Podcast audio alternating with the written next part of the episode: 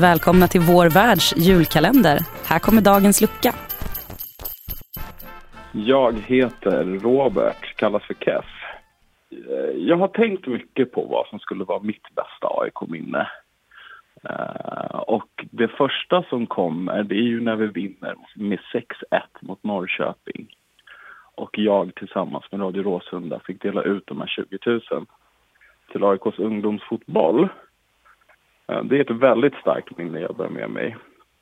Sen har jag många minnen Alltså både från bortaderbyn och sånt, men också i form av saker som jag inte minns.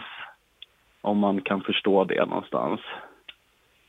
Eh, jag minns att guldet 2009 skulle jag åka och kolla på matchen, men jag, jag kom inte hela vägen någonstans. Jag vaknade i pendeln ut mot Södertälje, eller på väg tillbaka från Södertälje. Så att, och det har jag också burit med mig ganska länge i livet. Du firar guldet på pendeln helt enkelt. Ja, typ. Mm. Lite så. I min ensamhet Ja, och förvirring. Ja. härligt. Eh, 2020, det kommer bli en viktig säsong. Jag är lite tudelad där också. Dels så är jag för den här någon slags föryngring av truppen och att börja om. Men det känns också som att jag vet inte om gemene AIK är riktigt villiga att lägga några år på att bygga om en, en ny grund. En ung grund eller vad man ska säga.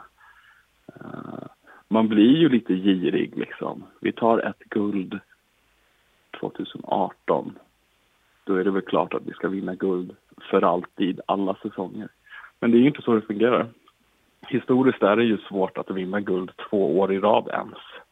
Liksom. Eh, men jag hoppas på såklart att vi vinner guld. Eh, att vi vinner Svenska cupen och får spela i Europa. Så den här truppen får spela i Europa en gång till. Då kanske det klaffar. Eh, äntligen. Men jag är inte helt emot att också ta några steg tillbaka och börja bygga långsiktigt. Om jag skulle ge AIK en julklapp skulle det nog vara Ebenisa Ofori och Nebojsa Nevakovic. Jag tror vi behöver mer hjälptränare igen.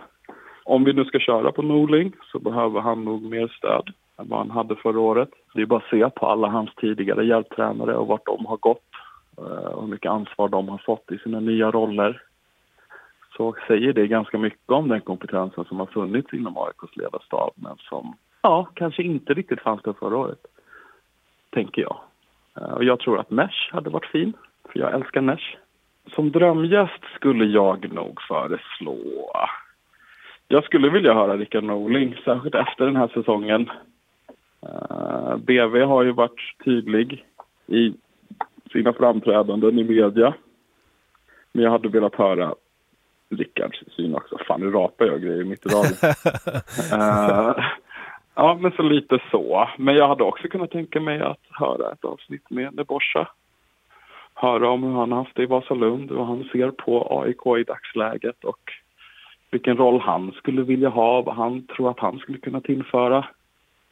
Eh, det jag gillar med vår värld är ju att det känns som väldigt kompetenta och relevanta frågeställningar. Man kanske inte är rädd att ställa lite obekväma frågor. Liksom. Eh, så att någon som man kan ställa obekväma frågor till på ett framgångsrikt sätt. Så Norling eller Neborsa. En svartgul jul önskar jag er alla.